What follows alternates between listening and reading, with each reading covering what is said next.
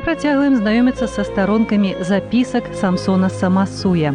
Аповесці Андрэя мрыя публікацыя якой у двадцатыя гады сталася прычынай пераследу і ўрэшце гібелі аўтара. Ля мікрафону ізноў сяржук сокалу воюш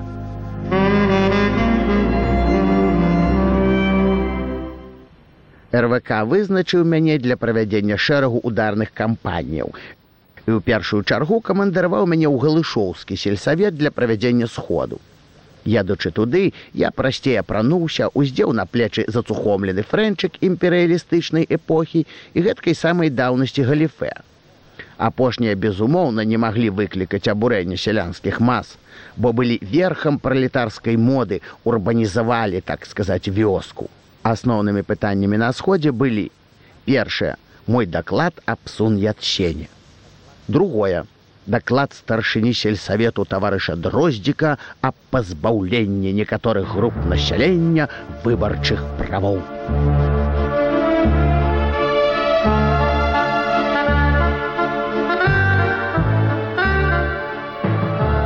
Далей намячаліся бягучыя справы.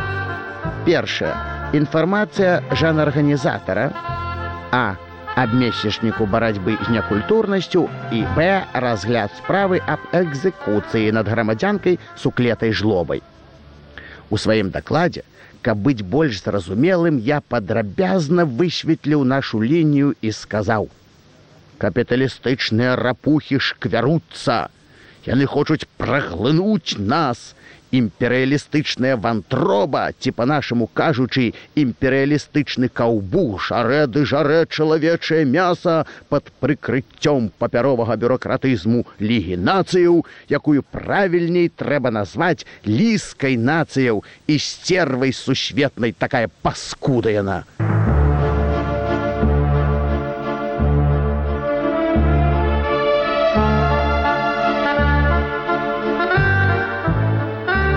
прызнаюся.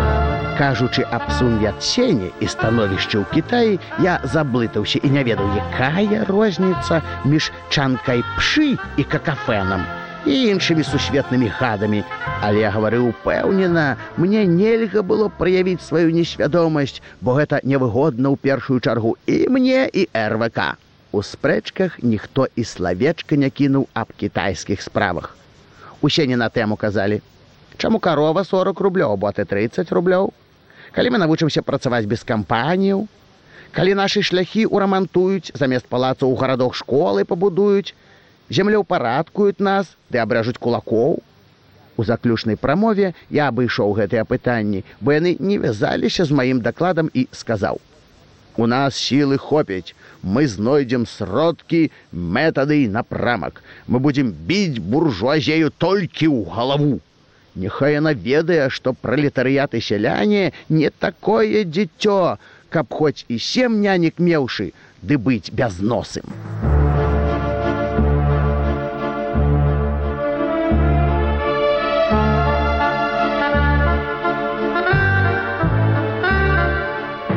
Сход ухваліў рэзалюцыю. Прызнаць, што кітайскі народ давяршыць пачатую справу.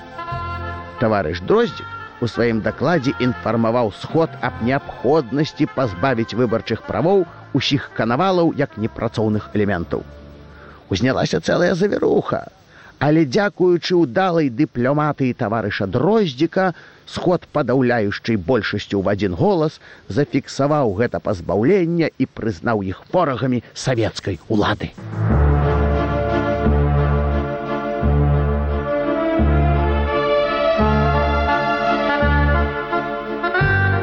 Адносна месячніку барацьбы з некультурнасцю прызналі мэтазгодным правесці яго на працягу трох дзён і абралі для гэтага камсад. Тут быў невялікі інцыдэнт, які характарызуе нашу тэхнічную адсталасць.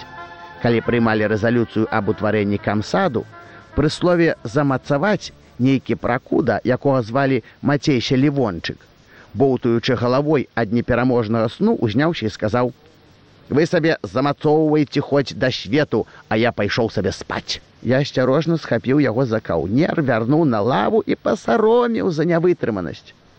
Апошняе пытанне разглядалася скарга суклеты жлобы. якую на сходзе у адным засценку высеклі за тое, што адмовілася жыць з мужиком.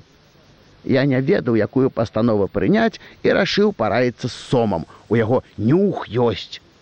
Такім чынам мы пытанне з прычыны позняга часу знялі з абгаварэння. Суклета лаяла нас, на чым свет стаіць. Вярнуўшыся ў шапялёўку, я цэлую ноч напралёт гаварыў з мамонам, у якіх умовах трэба праводзіць культурную рэвалюцыю ў шапялёўцы. Пасля доўгіх меркаванняў мы прызналі неабходным правесці надворную рэарганізацыю местачковага быту. Мы склалі праект упрыгожання шапялёўкі лёзунгамі, плякатамі, змены назвы вуліц на больш гучныя, рэвалюцыйныя, новых шыльдаў на крамах і падрабязных надпісаў на хатах. Праект мы зацвердзілі ў райкоме і РВК. І не марудзячы распачалі дзейнасць пад лёзунгам хараствоў масы.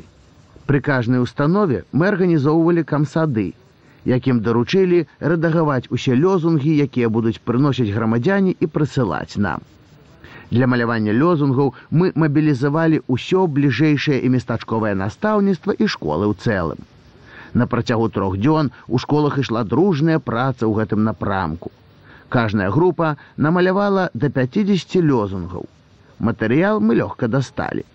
Згодна прадпісцы райкому, У кааператывах мы забралі ўсю чырвоную мануфактуру 75соткавай скідкай. Пасля адбору лёзунгаў мы самыя лепшыя з іх увялі і ўзгаднілі і потым прымацавалі каля самых ударных пунктаў мястэчка школаў, бальніцаў, лясніцтва, крам, заезджых дамоў і каля ўсіх студняў.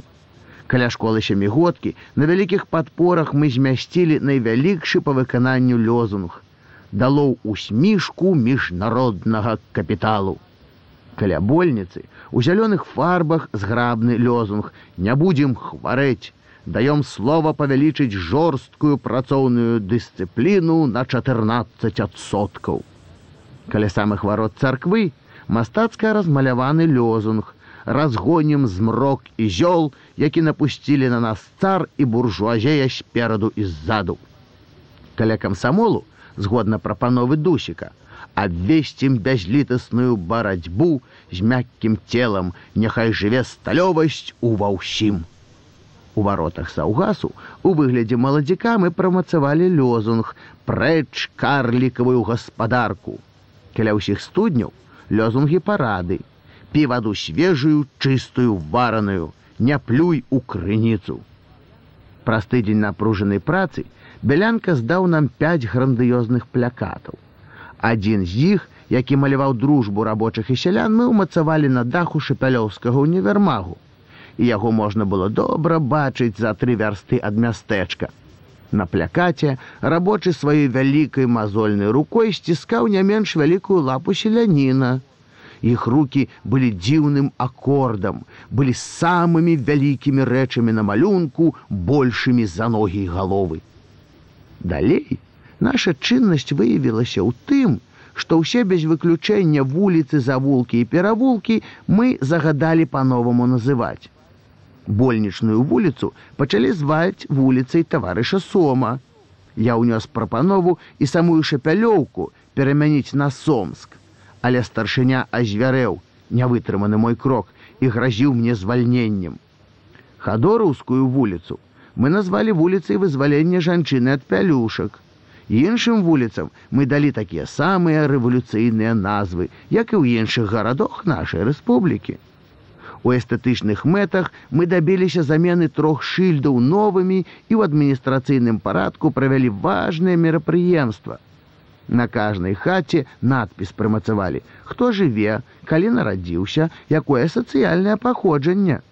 Апошняе вельмі цяжка было ўзгадніць і правесці ў жыццё, але ўпартая воля да выканання канчаткова намечанай мэты перамагла ўсе перашкоды. Шапялёўка стала на новы шлях культурнага будаўніцтва.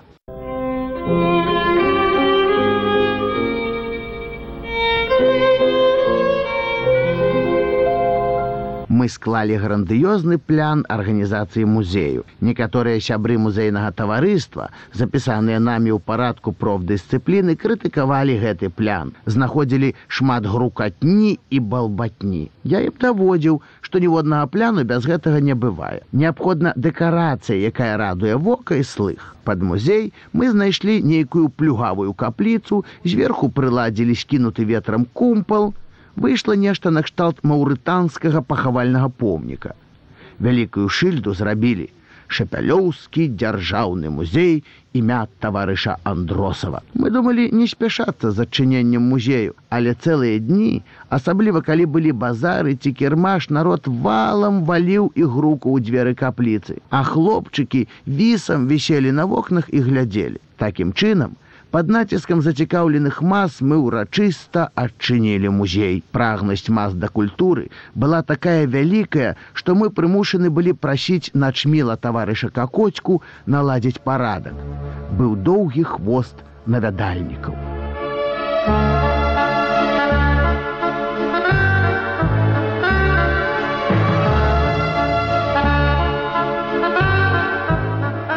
Было на што паглядзець. У цэнтры музею у мэтах прапаганды агіды да старога панскага ладу быў пастаўлены знойдзены ў маёнтку князя марачкоўскага мармуровы помнік каханаму сабаку. На падстаўцы стаяў паважных размераў сабака і ў пярэдніх лапах трымаў урну. Надпіс каханаму бульдогу ваўкадавічу. На другім баку спі супакойна не пачуць мне больш тваёй ласкавай журчлівай брахні не паціснуць твою шляхетную лапу. Твой сумны ўладар князь марачкоўскі у музеі мы сабралі найвялікшы запас старажытных рэчаў драўляны бязмен з булдавою каля чатырох пудоў некі ідальчык знойдзены ў валатоўцы які выабражаў сабой барана на калёсах нейкі надмагільны камень з фашысцкім знакам значэнне якога ніхто з нас не зразумеў і толькі мамон выказаў дагадку. Под гэтым камянём яшчэ ў десятым стагоддзі у земляў парадкаваўся кажучы сучаснай мовай нейкі млынар. Аб гэтым мамон напісаў грунтоўны дослед і паслаў у акадэмію навук. Шапялёўцаў больш за ўсё цікавілі экспанаты з мясцовага жыцця. Так згодна маёй прапанове скульптарам бэдам былі зробленыя два манекены першы ўяўляў копію жыхара вёскі галадранкі еўтуха абжэры які мае рост 2 метры 30 сантыметраў а вагу сем пудоў. Не мае пуза а есть як у прадонніцу. Другі манекен зрабілі з бабкі якую ў вёсцы дрыгавічы абавязкова клічуць разам з акушэркай. Цікавы факт супрацоўніцтва трэба яго зафіксаваць. Апрача гэтага я заказаў скульптуру бюсты старшыні РВК таварыша Сома і сакратара райкому таварыша Андросава. Мастак і вучні намалявалі партрэты адказных шапялёўскіх дзеячоў. У тым ліку і мой. Я быў намаляваны ў белай кашулі з вялізным чырвоным бантам.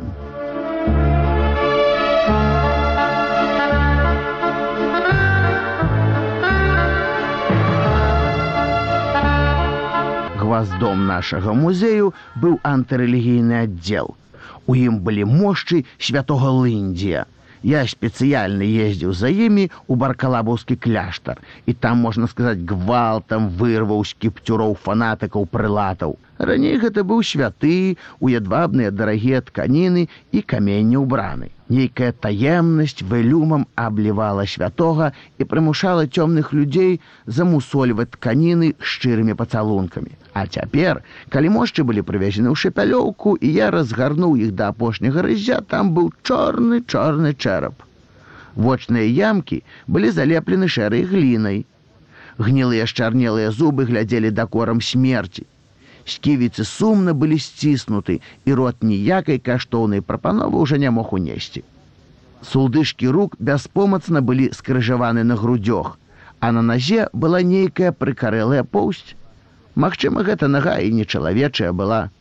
Над машчамі мы далі тлумачэння. Былі мошчы святога лынды, а цяпер з грэбсці ды на сметнік, інакш скарыстаць нельга.